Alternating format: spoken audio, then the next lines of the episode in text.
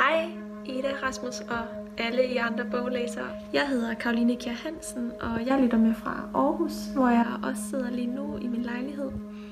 Hvilket jeg jo har gjort de sidste mange uger.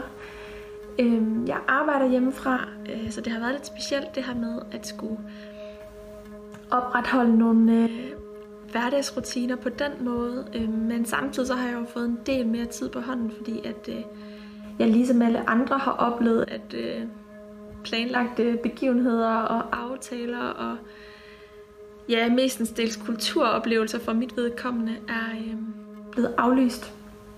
Men jeg tænkte også ret hurtigt, at nu fik jeg tid til at læse nogle af alle de der bøger, som jeg har på min bogreol, og som jeg, jeg virkelig gerne vil læse i min hverdag, men tit øh, har svært ved at prioritere og give mig hen til.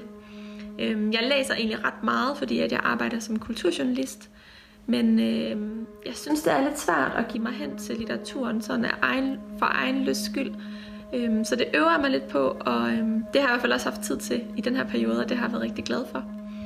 Øh, faktisk oplevede jeg så dog, at det var lidt svært for mig i begyndelsen, fordi jeg havde ret meget øh, tankemøller, øh, og sådan, så ville jeg jo koncentrere mig og fokusere på det, så øh, en dag så tvang jeg faktisk mig selv til at sidde med den bog, som jeg var i gang med, for ligesom at komme ordentligt ind i, øh, i det univers, og øh, det er jeg rigtig glad for, at jeg gjorde, fordi det fik skubbet ret godt til min øh, læserytme.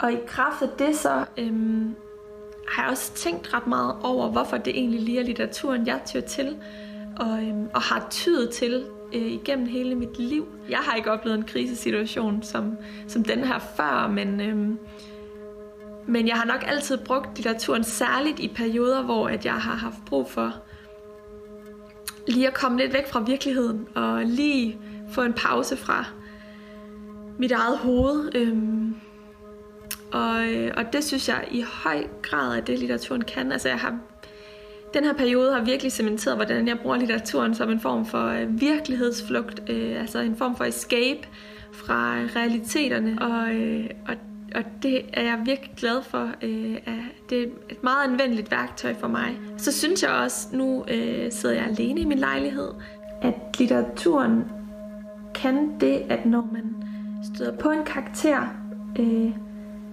og man kommer ordentligt ind i den persons øh, verden, alt efter hvem det selvfølgelig er, så kan det næsten som blive, altså blive som en god ven. Hvis man føler sig lidt alene, så, så kan litteraturen virkelig være et godt sted at søge ly. Det her var Karoline. Hun er en af vores faste lyttere, og hun har delt sin corona-hverdag med os, og det er vi virkelig glade for. Det har vi jo også tidligere oplevet med, med Anna, og Kandik har delt sin øh, historie på vores Instagram, hvor vi delte en lille video. Så det er så hyggeligt, og det må I endelig godt blive ved med, hvis I har lyst til. Øhm, så deler vi det i på vores øh, platform og eventuelt i podcast. Nu har vi ikke lige planlagt noget i fremtiden, men må ikke der kommer noget mere, fordi det ser ud til at fortsætte et stykke tid, det her. Fordi vi er jo ikke overraskende stadig i coronamode og arbejder hjemme, og vi er tæt på vores bogreolers trygge læsestof, og det er også nok den bedste måde at komme igennem alt det her på. Her i programmet har vi en masse klar til jer, der er tørstige efter et litterært kig.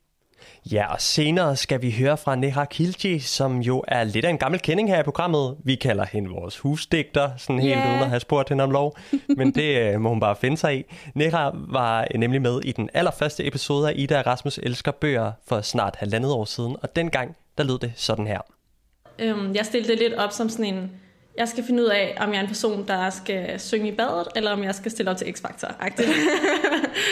sådan, fordi der er nogle gange de der typer i X-Factor, hvor man tænker, nogen skulle have fortalt dig, at, at du ikke skulle være her, eller sådan. det er lidt pinligt, ikke?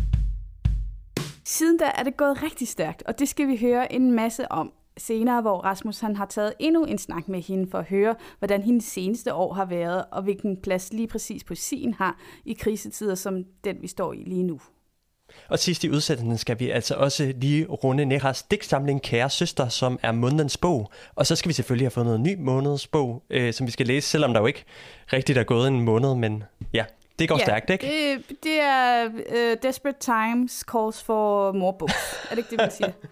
Lige præcis. det går stærkt for tiden i hvert fald. Velkommen til Ida og Rasmus Elsker Bøger.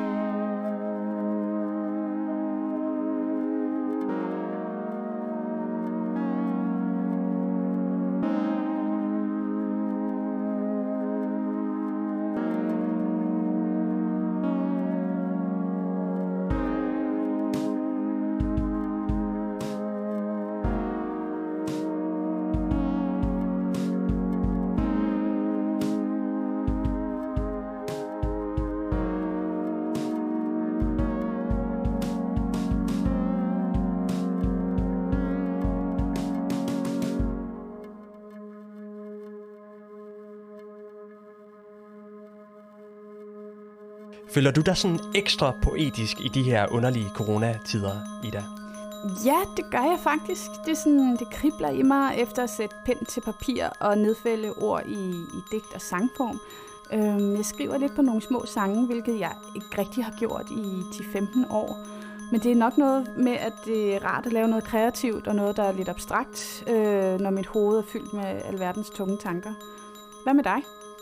Jamen, jeg skriver faktisk også digte. Det er sådan lidt mere på tvang. Jeg er ikke sådan helt pjattet. Jeg er ikke solgt til det, øh, selvom jeg også var teenage lomme øh, poet selvfølgelig, som vi jo alle sammen var.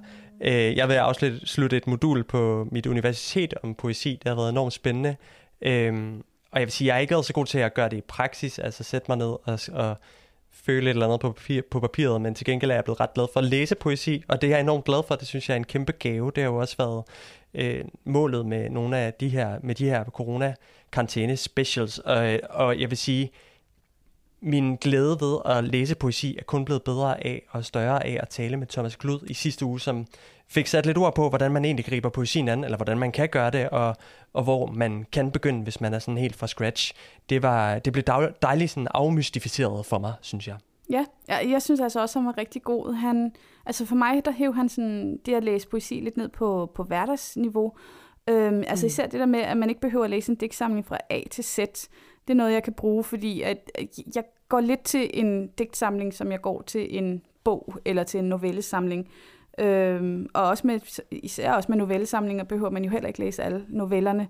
Øh, og Nej. det skal jeg altså virkelig have banket ind i skallen, fordi jeg tror, at øh, der ligger en masse små øh, gaver og venter på mig, hvis jeg netop bare hiver den ned fra reolen og læser tre digte, og, og så mm. sætter den mm. tilbage igen. Øhm, men ja, Rasmus, du har jo interviewet Neha, som har skrevet Kære Søster, og vi har begge to læst den, og det er vores første karantænebog. Men mm. bare til dem, som ligesom mig ikke husker så godt, hvordan var det egentlig, at du stødte på Neha for øh, efterhånden lidt mere end en han, halvandet år siden? Jamen, det var faktisk totalt for, øh, tilfældigt. Jeg husker det sådan, at hun havde optrådt med noget spoken word på en eller anden festival på Fyn, og jeg faldt over en gut på LinkedIn, som havde lavet en video med hende, og jeg så den, jeg klikkede og så den her video, og jeg kan huske, at jeg havde tænkt sådan, at jeg vil gerne snart lave noget om, nogen, om en digter, sådan findes der ikke nogen unge poeter i Danmark. Øh, og, og der var hun, øh, og, og der var hendes stemme, og hun virkede enormt fængende, og, og, og som om hun havde noget på hjertet. Der var et eller andet bag, et eller andet bag den der video, som jeg ikke helt kunne sådan, som, som, som virkelig interesserede mig. Mm. Øh, og så kontaktede jeg hende, mødtes med hende på Nørrebro med min optager, inden vi skulle til at, øh, i december kan jeg huske, inden vi skulle til at optage vores første udgave af Ida Rasmus Elsker Bøger. Og der var hun, øh, der var hun jo øh, med helt, helt tilbage dengang i... Ja. Altså, kan det virkelig passe, det var 2018? Det har det vel været? Ja. Det, December 2018. Det, det ja.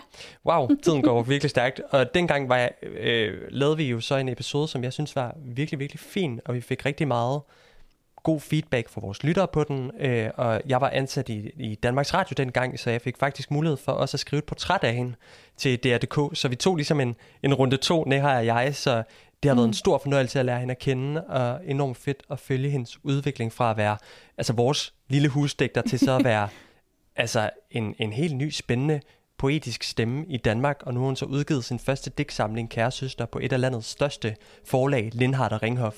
Det er Simpelthen sejt. Jeg kan blive ved med at snakke om det. Jamen, det er vildt sejt, altså, og jeg glæder mig virkelig meget til at høre, hvad det er, I har snakket om. Stort tillykke med den fine digtsamling, Neha. Jeg er virkelig imponeret over alt det, der er sket siden du og jeg mødtes første gang. Kan du ikke lige prøve at sætte ord på, hvordan det er nu at have en rigtig bog med dit navn på ryggen?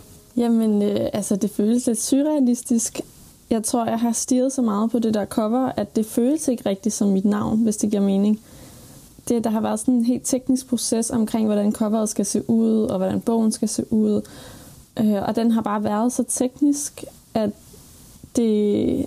Altså, jeg tror ikke helt, at min hjerne registrerer, at det er mit navn, der står på forsiden. Jeg ser det bare som, det blev en pæn forside. det var, sådan, det var de rigtige valg i forhold til farven og sådan noget der.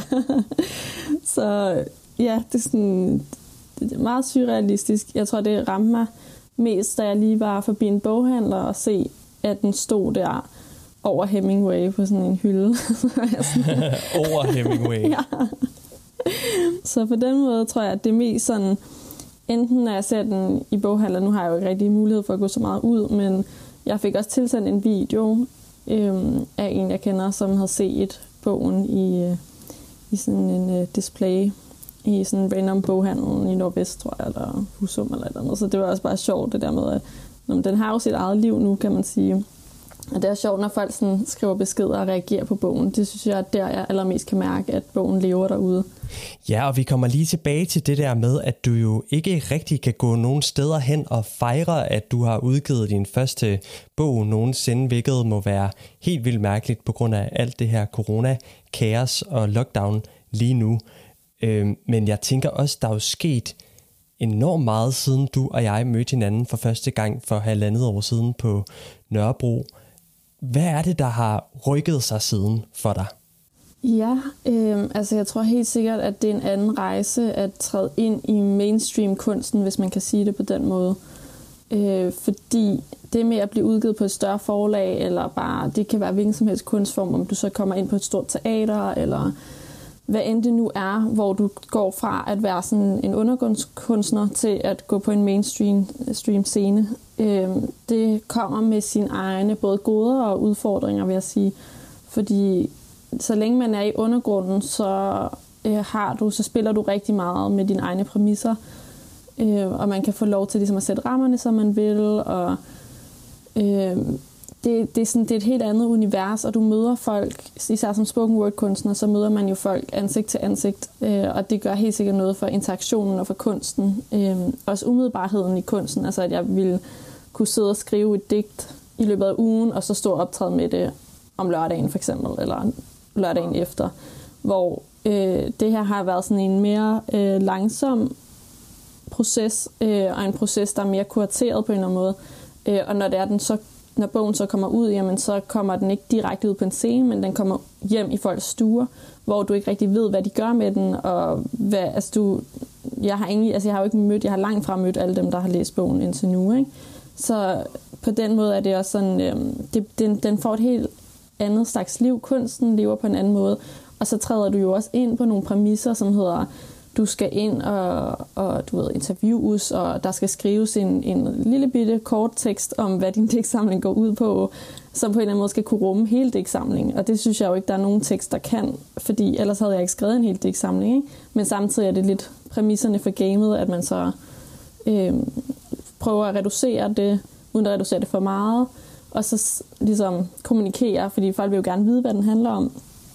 Øh, så på den måde går man også ind i noget, hvor kunsten forandrer sig, øh, og jeg har skulle forholde mig til en masse ting, som jeg måske ikke ville skulle forholde mig til ellers. For eksempel, altså, hvad, hvordan skal forsiden se ud, og hvad er størrelsen på bogen, og hvad, øh, hvordan vil du kommunikere det her, og hvordan svarer du på det her journalistspørgsmål. Så der har ligesom en masse ting udenom kunsten, som kommer med at, at træde ind på en mainstream scene, hvis man kan sige det sådan øh, som, som er markant anderledes fra at være undergrundskunstner, vil jeg sige. Jeg synes, vi skal tage den sådan lidt fra scratch. Det er jo et år siden, så vidt øh, jeg husker, at du modtog en eller anden form for henvendelse fra en redaktør inde på Lindhardt og Ringhof. Hvad, er det, hvad var det egentlig, der skete dengang, og hvad er det så, der, der er sket siden? Mm. Øhm, så jeg fik, hvad hedder det, jeg fik faktisk en besked i min Facebook-indbakke fra forlagschefen, der hedder Sune, og han øh, sagde, hey her, jeg har lige set nogle videoer med dig der på DR. Øh, hvad har du et forlag? Ikke? Øh, og jeg tænkte sådan, mm, altså det er sådan tre dage siden, jeg har besluttet mig for, at jeg overhovedet ville prøve at skrive en bog. Øhm, så nej, jeg har ikke lige et forlag. øhm, og han var sådan, har du lyst til at komme forbi og snakke med os? Og sådan noget. Det tænkte jeg, selvfølgelig har jeg det. Det, det kunne være virkelig fedt. Øhm, og vi aftalte, tror jeg, mødes allerede dagen efter, eller to dage efter. Øh, og jeg tror faktisk, det var dagen efter, fordi jeg var hjemme og sådan famle med de der digte, jeg havde, og var sådan, Nå, hvordan, altså, hvordan i alverden sådan, kommer man med digte til, sådan en, øh, til et forlag? Ikke? Det havde jeg jo ingen idé om. Så jeg åbnede bare sådan Word-dokument og prøvede at stille det lidt pænt op og, og printe dem ud. og var sådan, det, det, det må være sådan, det er. Øh, og dem tog jeg så med til et møde, som var med forlagschefen Sune og min, en af mine redaktører, Rikke. Og øh, vi talte lidt om, hvad det var for et projekt, jeg havde gang i, og hvad det der spoken word var for noget. Og så læste de et par af mine digte, og så var de sådan, det, øh, det kunne vi godt tænke os at arbejde med. Vi vil gerne tilbyde dig en kontrakt. Altså, det var simpelthen på dagen for det her møde? På dagen. Wow. Ja, det var meget mærkeligt. Altså, jeg, jeg var helt desorienteret. Jeg kan huske, at da jeg gik ud af bygningen, så sagde de begge to til mig sådan, kig, kig lige... Øh, kig dig lige for, når du går over vejen, fordi jeg var sådan helt, hvad er det, der foregår? det er simpelthen en helt vild historie, synes jeg. Og så sidder man der med en ny underskrevet bogkontrakt, og, og hvad gør man så? Altså, hvordan, hvor starter man henne? Nej, jeg tror, det er rigtig, rigtig forskelligt, alt efter hvem man er. Altså, der er jo nogle mennesker, der har skrevet på, på deres værker i flere år, inden de beslutter sig for at gå til et forlag. Ikke?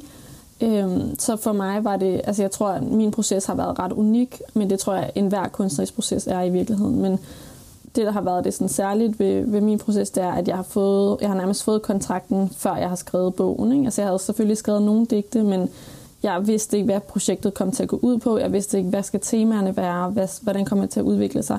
Så for mig var det bare rigtig vigtigt at få noget tid til at bare skrive en masse ting. Fordi jeg havde ikke lyst til, at lige præcis de, lad os sige, 5-6 digte, jeg nu tog med ind på forlaget, at det var det, der skulle sætte tonen for, hvordan hele digtsamlingen skulle være. Fordi jeg vidste, at jeg havde flere emner, jeg gerne ville skrive om. Øh, så var, for mig var det rigtig vigtigt, at vi ikke gik alt for meget ind i redigeringen, inden jeg havde fået skrevet nok til, at jeg følte, okay, nu er der en eller anden form for repræsentativ skare for, hvad jeg gerne vil skrive om, og så kan vi gå ind i redigeringsprocessen. Øhm, så jeg valgte bare at skrive en masse. Øhm, det var tæt op af sommerferien, så hen over sommeren, der skrev jeg bare vildt mange digte. Jeg var også ude at rejse, og alt hvad jeg så på de der rejser, det blev bare skrevet ned. Øh, alt hvad jeg følte, tænkte, det hele blev skrevet ned. Og så ud fra det, så kom der ligesom noget op, hvor vi så tog det og begyndte at redigere på det i efteråret, tror jeg det var. Øhm, så på den måde har det været ret intens, og så havde vi sådan vildt intense øh, redigeringsmøder der i løbet af efteråret. Og så, ja, så, så blev det til bogen. Det er jo helt vildt. Det er med mig gået hurtigt, var? Ja, det er gået virkelig, virkelig stærkt. I de her programmer, der kommer vi selvfølgelig heller ikke udenom at tale om, at hele verden jo ligesom er lukket ned lige nu, og at der ikke findes så mange undskyldninger for at gå uden for døren. Vi sidder alle sammen lidt derhjemme lige nu. Hvordan, hvordan klarer du det? Altså, jeg er så meget blandet, vil jeg sige. Øh, det kommer virkelig an på, hvornår du lige fanger mig. Øhm, der er nogen, altså, jeg tror overordnet, er jeg okay rustet til det her, fordi jeg er altså introvert. Øh, og ikke fordi jeg synes, man skal lægge alt for meget i sådan noget med introvert ekstrovert, fordi jeg tror ikke rigtig, altså det er altid et spektrum og sådan noget, men øh, på den måde er jeg ikke, altså jeg er ikke en af dem, der lider allermest, fordi det er ikke unaturligt for mig at sidde med mig selv og reflektere, eller læse en bog, eller øh, ja, gøre sådan nogle der ting, ikke? gå en tur og, og, og sådan nogle der ting. Men selvfølgelig er det, er det ekstremt, ikke? lige nu. Øh, og især sådan noget med at have møder på arbejdet over Zoom, det synes jeg, det er så ærgerligt, fordi jeg ender med at sidde foran en skærm i virkelig mange timer i løbet af dagen. Øh, og det kan jeg godt føle, det bliver sådan lidt mærkeligt op i hovedet af. Øh, og også det der med, at jeg ikke får bevæget mig lige så meget, som jeg normalt gør. Og øh, så er der selvfølgelig nogle ting, hvor jeg vil virkelig gerne komme ud og møde nogle læsere. Ikke? Og der er også flere, der har spurgt mig, om de kan få signeret deres bog og sådan noget. Og der, det er også bare virkelig ærgerligt ikke at kunne sige, ja, men faktisk, du kan fange mig på teateret her næste uge, og så kan du komme, du kan se min show, vi kan snakke sammen bagefter. Men det er bare sådan noget, ja, en gang efter corona, så må vi mødes derude. Ikke? Øhm, så det er, sådan, det er meget blandet, og så savner man selvfølgelig venner og bare sådan menneskelig kontakt. Øhm, så det, er sådan, det veksler meget mellem, at jeg får gjort nogle ting, som jeg synes er lidt hyggelige faktisk, i forhold til at få læst og øh, få ja, øvet nogle ting, som jeg normalt ikke har tid til, eller ja, alle sådan nogle der ting, men samtidig så er det også hårdt selvfølgelig. Ikke? Ja, og nu siger du jo også, at i forbindelse med din debut, digtsamling Kære Søster, så vil man jo selvfølgelig gerne ud og gøre en masse ting for ligesom at markere, at, at, at du er blevet udgivet. Det øh, forestiller jeg mig, at du i hvert fald selv rigtig gerne vil. Hvad er det for nogle kompromiser, du har været nødt til at gå på grund af coronavirusen her? Mm. Øh, jamen, først og fremmest så var der jo receptionen. jeg havde glædet mig helt vildt meget til den der reception. Undskyld. Øh, og jeg havde virkelig, øh, det var sådan en, efter alt det her hårde arbejde, glæder mig til at se min familie, mine venner, det bliver så godt, at vi skal fejre det her. Og øh, så finder jeg også ud af, at, at vi ikke rigtig kan forsamle os. øh, så det var det gjorde rimelig ondt, kan man sige, at, øh, at give slip på tanken om, fordi jeg havde sådan en forestilling, hver gang jeg sad og forestillede mig den der reception, så tænkte jeg bare, wow, altså alle de bedste mennesker skal være i et rum. mm. øhm, og det kunne så ikke rigtig ske. Øhm, men vi valgte så, øh, det var sjovt, øh, hvad hedder det, Nasila Kiwi, hun skrev til mig sådan, hey her i forhold til din reception, har du overvejet at lave noget online i stedet for? Øh, og det synes jeg var en rigtig god idé. Så vi endte faktisk med at lave sådan en Facebook online øh, reception. Og på den måde var det egentlig også meget godt, fordi at så havde flere mennesker mulighed for at deltage og stille spørgsmål. øh, og jeg synes, der var nogle rigtig gode, øh, interessante spørgsmål, jeg kunne svare på. Øh, vi lavede sådan en Facebook Live på, på eventet på Facebook. Og det var bare, ja, det, det var også fedt, øh, men sådan lidt ensomt at sidde med sin egen skærm og besvare spørgsmål fra skærmen. Ikke? Øh, jeg skulle optræde med, fordi altså, jeg har jo rødder i den her spoken word tradition, og meget af digtsamlingen er også skrevet i spoken word ånden. Øh, så rigtig mange af digtene er, øh, hvad hedder det, øhm, sådan egnet til scenen, eller skrevet til scenen. Øh, så jeg skulle lave sådan et, øh, et one hour, sådan one woman show, hvor jeg skulle optræde med, med min digte, og så var der så mulighed for at få signeret og sådan noget der efterfølgende. Øh, og det havde jeg glædet mig helt meget til, fordi jeg havde været ude på teateret og kigget på deres forskellige sale og set, hvor jeg gerne ville optræde, og jeg havde forestillet mig, at der ville være sådan et, det ville have været sådan et rigtig intimt, fedt rum, øh, hvor at vi kunne, jeg tror, at det kunne have været en helt særlig publikumoplevelse også at sidde i det rum. Øh, men hvad hedder det, det blev så desværre aflyst på grund af, hvad hedder det, coronaen, og så havde jeg også nogle både tv- og radiointerviews, der blev aflyst, så der var også noget promovering, der også gik lidt tabt i forhold til, til, til coronaen. Så det har været sådan, altså, jeg tror, det er en meget, meget speciel måde at debutere på. Jeg tror ikke rigtig, det er sådan lidt gennemsnitligt, hvis man kan sige det sådan.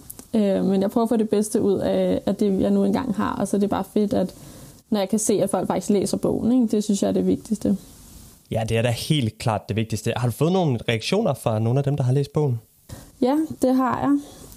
Øhm, altså jeg synes, de bedste reaktioner, det er sådan dem, jeg får sådan personligt via mine sociale medier. Øhm, og der er det både ligesom folk, jeg kender, men også folk, jeg ikke kender. Øh, som, der er mange, der skriver sådan, at, øh, at de, hvad hedder det, de er glade for, at der ligesom er kommet en digtsamling, der tager nogle emner op, som ikke er blevet taget op før. Øh, måske af andre forfattere. Øh, og det synes jeg er rigtig fedt, fordi generelt, altså jeg er jo også, kan man sige, aktivist, øh, udover at være kunstner. Og den side af mig kommer jo også til at skinne igennem i min digte i forhold til, at, at mange af dem er også systemkritiske. Øhm, og, og på den måde synes jeg, det er rigtig fedt, at der er nogen, der ligesom læser det og tænker, thank you for saying that. Altså, tak fordi der endelig var nogen, der sagde det højt. Ikke? Øh, og det er ligesom alt fra, du ved, digtene, der handler om diskrimination, øh, til dem, der handler om, om perfektionisme og præstationskultur. Øh, så der er ligesom både det aspekt af det i forhold til, at der er nogen, der ligesom føler på en eller anden måde, de kan trække vejret igen. Øh, Øh, og jeg mærker bare den her, jeg føler, at der er mange, der investerer, altså når jeg får de der beskeder, så føler jeg, at de er lige så investeret i mit projekt, som jeg er på en eller anden måde. Altså de er sådan, vi vil gerne have, at du lykkes. Og det synes jeg bare er rigtig motiverende at høre. Øh, der er mange, der er sådan, øh, tak fordi du gør det, og vi skal bare sådan, og vi skal støtte dig på den her måde. Og øh, bare også når folk selv kommer med idéer og siger, hey, skal du ikke have en online reception, eller skal du ikke gøre sådan, skal du ikke gøre sådan, så kan man jo mærke, at, at der er nogen, der synes, at mit projekt øh, er vigtigt. Øh, og det synes jeg bare er rigtig motiverende. Og så er der nogen, der sådan, jeg fik sådan en rigtig sød besked fra en far her forleden, der sagde, at øh, der skrev sådan, ja, nu har jeg set øh, nogle af dine videoer, og tusind tak, du er lige den inspiration, mine døtre har brug for. Og øh, jeg vil helt klart købe, ja, det var virkelig, virkelig sødt. Han var sådan, åh, han var sådan, ja, jeg vil gerne købe din bog som et gave til min datter.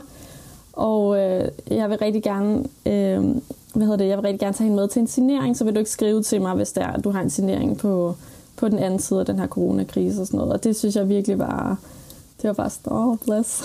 det var virkelig sødt. Ej, var det fint, det her. Jeg får helt kuldekysninger. Ja, ja det, altså, det gjorde jeg også. Jeg synes også, det var, altså det, når han sagde, at jeg var inspiration, der tænkte jeg også bare sådan, det er måske lidt for store ord, men, men tak. Altså det, og det er fedt at kunne mærke, at altså også forældre er engageret i, at, øh, at deres børn ligesom skal på en eller anden måde have noget positivt at spejle sig i. Øh, det synes jeg også bare var virkelig sødt og fedt at kunne mærke, at der er forældre derude, der bare vil, altså selvfølgelig vil alle forældre det bedste for deres børn, men at ligesom gå så langt og være sådan, hey dig, du skal lykkes, fordi så kan mine børn ligesom se, se på dig og se, at det kan lade sig gøre på en eller anden måde. Ikke? Det synes jeg var, det var meget rørende.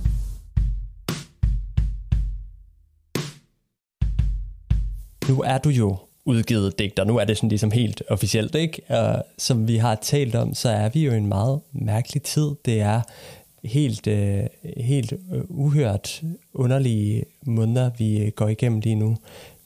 Tror du, poesien har en eller anden plads i det her? Altså, hvad, kan man få et eller andet poetisk ud af det? Jeg har sådan en fornemmelse af, at, at, der, at poesien har en eller anden form for rolle, når vi taler om coronakrisen, når vi taler om det her isolation og sådan noget. Hvad, hvad tænker mm. du om det? Altså, jeg tror da helt sikkert, at poesien har en rolle i, i den her tid. Jeg har det sådan, det er svært øhm, at sige præcis hvordan, fordi for mig er der poesi i alting. Altså, jeg synes, at det er poetisk, den måde, verden er lukket ned på lige nu, for eksempel. Øhm, og der er noget poetisk ved, at vi alle sammen bliver hjemme, og der, er sådan, der kommer en masse billeder op i hovedet af, hvad betyder det, og øh, at vi har en helt ny måde at, at interagere med hinanden på. Jeg talte med min søster om det forleden i forhold til, at en gang ville det ligesom være uhøfligt at gå en bue rundt om et andet menneske, men nu er det ligesom den måde, vi viser hinanden respekt. Øh, så det er også sjovt, hvordan handlinger ligesom får en helt ny betydning lige pludselig. Øhm, og sådan, ja, altså den måde, vi, vi vi tilgår hele situationen, hvordan vi interagerer med hinanden, øh, hvordan vi skaber mening ud af situationen. Det er virkelig forskelligt. Der er nogen, der siger for eksempel, at det er universet, der hævner sig, eller der er nogen, der siger, at øh, når, men det er Guds plan, der er en mening med det, vi skal, øh, der er et eller andet, vi skal lære fra det her, eller øh, der er nogen, der siger, at det er bare fordi, vi mennesker er så dumme, og my god, altså kan vi ikke være, du ved, sådan, altså det, det, det er rigtig forskelligt, hvordan folk ligesom finder mening i den her situation. Så for mig er poesien bare på højtryk lige nu. Den er alle vegne. Øh, men i forhold til altså, at så omdanne det til, til noget på skrift eller noget mundtligt, for mig er det en lidt mere langsom proces, fordi jeg føler også bare, at der også er noget overlevelse i at være i processen. Øh, og der er noget omstilling. Så jeg skal lige finde ud af det der med, når mit hoved koger efter sådan et to timer Zoom-møde eller tre timer Zoom-møde, hvad, altså har jeg lige overskud til at skrive poesi på det tidspunkt? Måske ikke. Så der er også noget i, hvornår poesien ligesom kommer ud. Jeg tror for mit vedkommende, så kommer den til ligesom at flyde langsomt ind i, i kroppen, når noget af det her har, har stillet lidt af. Øh, men samtidig så er jeg i gang med at skrive en monolog til Østerbro Teater. Øh, Republik, de har øh, sådan en, øh, en corona-monologserie lige nu, som er online, som er virkelig fed faktisk. Øh, og jeg har siddet og skrevet på en monolog her den sidste uge, og så fik jeg bare sådan en ny idé i går aftes, så jeg tror, jeg skriver den helt om nu, fordi jeg synes, det er en fed idé. øhm, så jo, jeg tror, der kommer til at være noget løbende. Jeg tror, når man ser sine oplevelser spejlet i, i kunsten, jamen, det kan gøre noget i forhold til at vide, nej, men det er ikke kun mig. Det er, ikke, det er ikke kun mig, der har det på den her måde. Det er ikke kun mig, der går fra at være vildt lykkelig det ene øjeblik, til at bare være helt nede i kulkælderen det næste øjeblik eller som, som har det rigtig svært ved ikke at kunne øh, kramme min nevø, eller hvad end det er. Ikke?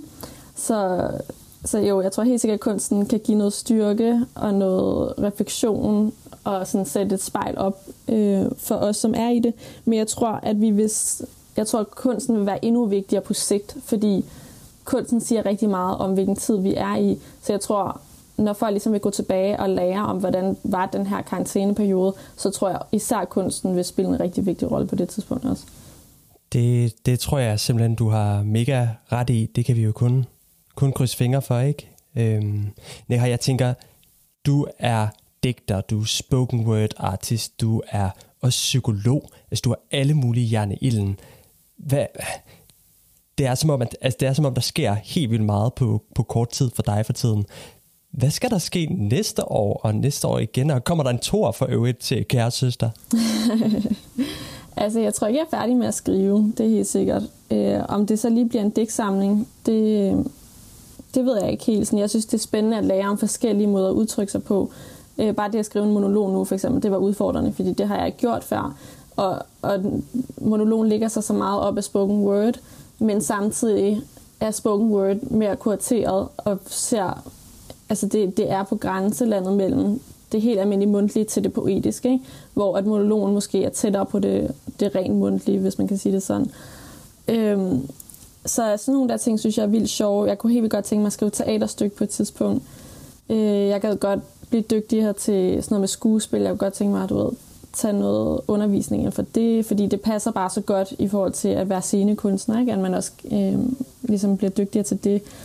Øh, og så tænker jeg da, at jeg skal ud på en masse scener, når det er det her overstået. Altså jeg havde jo set frem til både at være på, nu ved jeg ikke, hvad de gør med folkemødet, men sådan, jeg elsker folkemødet. Jeg havde virkelig set frem til, at jeg skulle optræde der, men det, så alt bliver jo lidt aflyst lige nu, men jeg håber, at næste år, jeg kan komme ud øh, på en masse scener, øh, alle mulige forskellige steder, og komme ud og tale med en masse mennesker. Og, ja, altså det er jo ikke det sidste, og jeg tror også, at der er noget, et eller andet sundt ved heller ikke at blive sådan et stjerneskud, som sådan burn bright and dies på en eller anden måde i, i en kort periode. På en eller anden måde føles det også mere naturligt, at det går lidt langsommere, og jeg langsomt får åbnet op for flere muligheder, fordi jeg tror også, at det for den kunstneriske proces er bedre, fordi jeg langsomt får lov til at træde ind i den her rolle som, som mainstream kunstner, hvis man kan sige det sådan. Neha, lige meget hvad, så er du i hvert fald altid velkommen i vores podcast. Det er altid en fornøjelse at have dig med. Ja, men det, ja, jeg synes altid, det er rigtig hyggeligt at være med. Netop på grund af den her podcast, så var jeg jo også inviteret til øh, Nehas øh, release, og jeg havde glædet mig til at skulle ind og, og, og møde hende i, i virkeligheden, fordi jeg har kun, mm-hmm. altså, jeg har kun interageret med hende online. Øhm, og så var det sådan, så kom corona, og så blev det til den her ja, online øh, reception, som jeg ja, ikke, ikke rigtig fik deltaget i. Men, øh, men ej, jeg synes, jeg synes, det var så synd for hende, og det er sådan, hvis det var mig selv, der havde udgivet et eller andet, øh, og det bare ligesom blev, når men, når vi gør det bare online i stedet for. Men altså, hun er jo så absurd cool, og det der med, at, det bliver, at hun vender det til noget positivt, det, er jo, det siger jo alt om hende. Jamen, det er helt fantastisk. Jeg deltog i øh, online-receptionen. Jeg havde øh, uh, uh, også glædet mig rigtig meget. Jeg havde faktisk sådan pynset lidt på, om jeg kunne have råd til at tage til Danmark.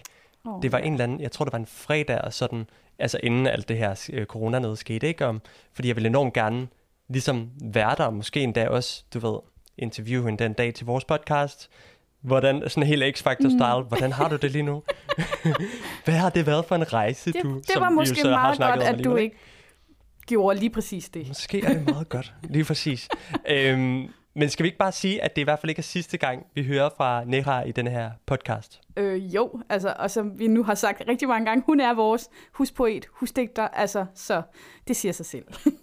Lige præcis. Og Ida, nu skal vi jo snakke lidt om Kære Søster, mm. som jo er Nehas øh, digtsamling, den første, hun nogensinde har skrevet. Hvad var din oplevelse med at læse den? Jamen, jeg kunne altså virkelig godt lide den. Og det er bare noget, jeg siger, fordi at hun er lidt vores. Altså, jeg, øh, jeg, faldt for, jeg faldt for Nehas altså, sprog. Det er meget, øh, altså hendes skrivestil, det er super personligt. Jeg kan mærke, hvor passioneret hun er, og hvor kærligt et menneske hun er. Altså for eksempel er der det der digt, der hedder Min faster er bedre end din faster. Fed titel i øvrigt.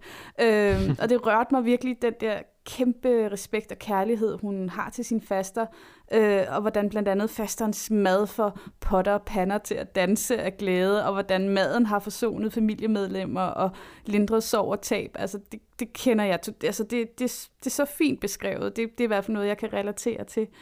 Øh, mm. Men der er også rigtig mange ting, jeg som ja, grisefarvet dansker, så bliver jeg lidt rød om ørerne og tjekker lige mine privilegier og mine fordomme og mine udsagn igennem. Øh, hvordan jeg øh, taler om ting, øh, altså særligt med digtene Intro til farveblind og farveblind, der spider hun etniske danskere, der, ja, groft sagt er sådan, øh, jeg er ven med en anden etnisk baggrund, men jeg er ikke racist, men altså, kender vi godt alle sammen, de der typer. Øh, og i øvrigt så sidder jeg lige nu og er sådan sygt bange for, at jeg siger noget, og faktisk er totalt farveblind øh, i den måde, jeg formulerer mm. mig på. Men jeg prøver at være opmærksom, og jeg håber, at folk som Neha vil, vil hjælpe mig, øh, når jeg gør ting, som er farveblind. Øhm, mm. Jeg kom til at tænke på Omar Shagavis personlige dokumentarfilm Western Arabs, øh, fordi ja, jeg er jo filmanmelder, øh, og det kommer til udtryk øh, Altid. indimellem. Øh, og altså, den, den handler sådan om, hvordan han som dansk palæstinenser er splittet mellem to kulturer, to kulturer, og det fornemmer jeg også lidt hos Neha, den her splittelse med at vokse op med to stærke kulturer. Øhm, altså for eksempel er der et digt, der hedder Ramadan Muslim, som er et udtryk, jeg ikke kendt, men det er åbenbart sådan lidt, ned, lidt nedladende udtryk om muslimer, der opfører sig mere muslimsk øh, i ramadan-måneden end resten af året. Men, men som jeg læser det, så giver Neher dem en form for oprejsning, og det synes jeg er ret fedt, når hun for eksempel skriver, de dele af mig, som troede, jeg havde mistet, kommer tilbage og minder mig om, at vi godt kan gøre det lidt bedre endnu. Mm. Øhm, altså når vi bruger religion på den måde, så kan jeg godt støtte op om det, og selvom jeg ikke er troende, så er der elementer i kristendommen og forskellige højtider, som jeg, som jeg godt kan se mig selv i. Mm. Jamen helt sikkert. Øh, hun giver virkelig et fantastisk sprog og en helt unik stemme til sådan nogle ting, som, som egentlig er ret nemmere at forstå på sådan et universelt plan. Øh, jeg synes for eksempel, når hun skriver om, om pigen, som har fået 12 i hugen, ikke?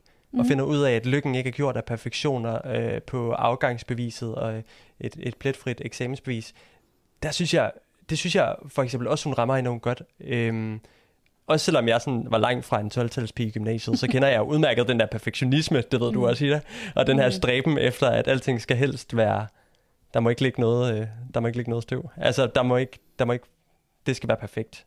Ja. Selvom jeg godt ved inderst inden, at det spiller tid. Jeg synes, jeg synes at der, hun laver nogle fine billeder omkring det, og også de her små fortællingsglimt, som for eksempel digtet om øh, Nadira, som har lært at elske at være elsket, og for at være elsket skal man gøre sig elskværdig. Altså jeg kan se i fodnoten til det her digt, at øh, den evigt elskværdige Nadira er inspireret af karakteren Nadir fra en pakistansk coming-of-age-film, som hedder Homan Jahan, øh, og jeg synes, det er ret genialt tænkt øh, at bruge den her karakter som, som en slags centrum mm. øh, for en fortælling om, hvad godhed egentlig er, og, og hvad det koster på en måde. Ja. Det ved jeg ikke, om det var helt uklart sagt. Jeg håber, det giver mening. Jamen, det, det er i hvert fald tydeligt for mig. Ja. Undskyld. Nej, men det giver totalt mm. mening, og jeg synes også, det var et rigtig stærkt digt, og jeg tror, mm. der er mange også lidt pleaser som godt kan se os selv i det. Også sådan det der med, og hvordan man åh, så får man ros for Præcis. at være så voksen og god, og man, man har jo ikke rigtig lyst til altid at være voksen og god, men man er bare nødt til det, fordi ellers så man, hvis man endelig skulle altså, snuble en lille smule, så bliver der slået endnu mere hårdt mm. ned på, og det der skuffelse, man så skal, skal øh, ja, døje med samtidig. Det er meget, det er egentlig ret trist at være den type. Øh, fordi ja, hvis man du har ry for at være, hvis du har ry for at være god, eller hvis du er den, der altid er god, så, må du, så kan du ikke træde fejl, fordi det vil være, kontrasten vil være så stor, ikke? Ja. Det er i hvert fald det er i hvert fald tydeligt for mig, at der både er en masse fortælleglæde og talent bag de her digte, øh, og som jeg vist sagde sidst, så hører jeg virkelig hendes stemme i hovedet, når jeg læser, mm. læser digtsamlingen. Det har været en kæmpe stor oplevelse, så ja, jeg er meget mere af det. Mere jeg, det. Synes, jeg synes, hun er helt fantastisk. Øh, kæmpe stor fan, og hun fortjener øh, altså rigtig mange læsere øh, i Danmark. Mm. Jeg, synes, jeg synes, at hun kan række ud til mange generationer og ja. øh, typer, eller hvad man skal sige. Det er meget universelt, det hun skriver. Det må man sige. Nå, Ida, det vil have været tid til, at vi skal have fundet næste månedens bog. Og nej, der er ikke gået en måned, men det er, jo, det er jo lidt det, vi har valgt at kalde den alligevel. Ja, altså, bog. Hvad, hvad skal vi... Det er, jo, det er jo det. Altså, månedens bog, det, det kan ikke hedde... Øh, to ugers bog, to ugers bog, eller ja. Øhm, det, månedens bog. Det, det, I forstår, hvad vi mener. det er jeg sikker på. Det håber vi. Og hvis øh, nogen har en idé til, hvad vi kan kalde månedens bog, når det er sådan lidt, nogle gange går der to måneder, nogle gange går der to uger, ja. skriv til os, for vi har virkelig talt meget om det. ja. I skulle bare vide, hvor mange timer vi har brugt på øh, at komme ja. med virkelig dårlige idéer. Nå. Øh, yes. men den her... Inklusive vores geniale navn til vores podcast for halvandet år siden, synes jeg, det er værd at nævne, tror jeg, vi talte om i sammenlagt to timer, og endte med det originale navn, Ida Ej, Rasmus elsker Vi brugte længere tid på det, Rasmus. Vi, brugte, altså, vi snakkede om det i ugevis hvad den skulle Vi er altså ja. genier til det her, ikke? Ja, det er vi virkelig. Nå, men tilbage til øh, månedens bog. Jeg kan ikke se, at jeg sidder og laver øh, gåseøjne. Men øh, det er en bog, som jeg købte for efterhånden længe siden, fordi at du og jeg jo faktisk snakkede om, at det skulle have været en tidligere månedens bog. Og så kom mm-hmm. vi mhm. fra det. Jeg kan ikke huske, hvorfor. Men jeg har ikke fået læst den endnu. Men Rasmus, vil du ikke fortælle, hvad det er for en bog, og hvorfor at vi skal læse den? Vi skal læse Alice i Eventyrland, og det skal vi, fordi at nu når vi har været igennem alt det her skidt det sidste stykke tid, trænger vi så ikke bare til at forsvinde øh, ind i den her forunderlige, i Alices forunderlige verden, løbe efter den der hvide kanin og se, hvad der gemmer sig i Eventyrland, begrave yeah. os lidt, øh, gå på eventyr.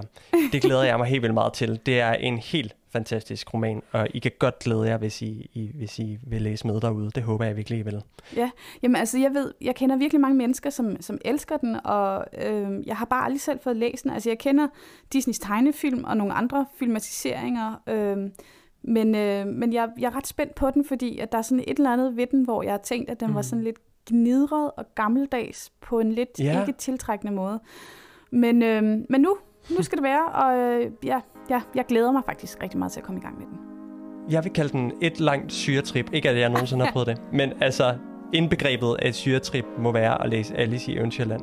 Man forsvinder helt, det gjorde jeg i hvert fald første gang, øh, eller sidste gang jeg læste den. Jeg, jeg forsvandt ned i bogen, som om jeg hoppede ned i det hul der efter. Kaninen. Altså det var helt, helt weird og, okay. og fedt. Altså det er, det er en helt, det er en, det er en helt fed ting, som, som bøgerne kan, ikke? Mm. Øhm, så øh, det synes jeg, vi skal, vi skal glæde os til, og det var faktisk det, vi havde for den her gang i vores fjerde, og i hvert fald lige for nu, sidste karantæne-special, hvor vi altså mest af alt har begravet os i poesiens verden. Husk at følge med inde på Podimo-appen, hvor du også kan finde de sidste tre karantæne-specials, som vi har lavet her i forbindelse med coronapandemien, og at vi alle sammen er der hjemme nu. Og hvis du er på Instagram, så er vi altså også mægtig flittige derinde på profilen, Ida og Rasmus, og vi vil så gerne høre, hvad I går og læser, og hvad I tænker om det. Mm. Øh, og kom og vær med, snak om bøgerne, og øh, dyrk den her litteratur, som vi har til fælles, ikke? Ja, det er i hvert fald ret hyggeligt, øh, hvis vi selv skal ja. sige det. jeg er Ida Rud. Og jeg hedder Rasmus Melgaard Harbo.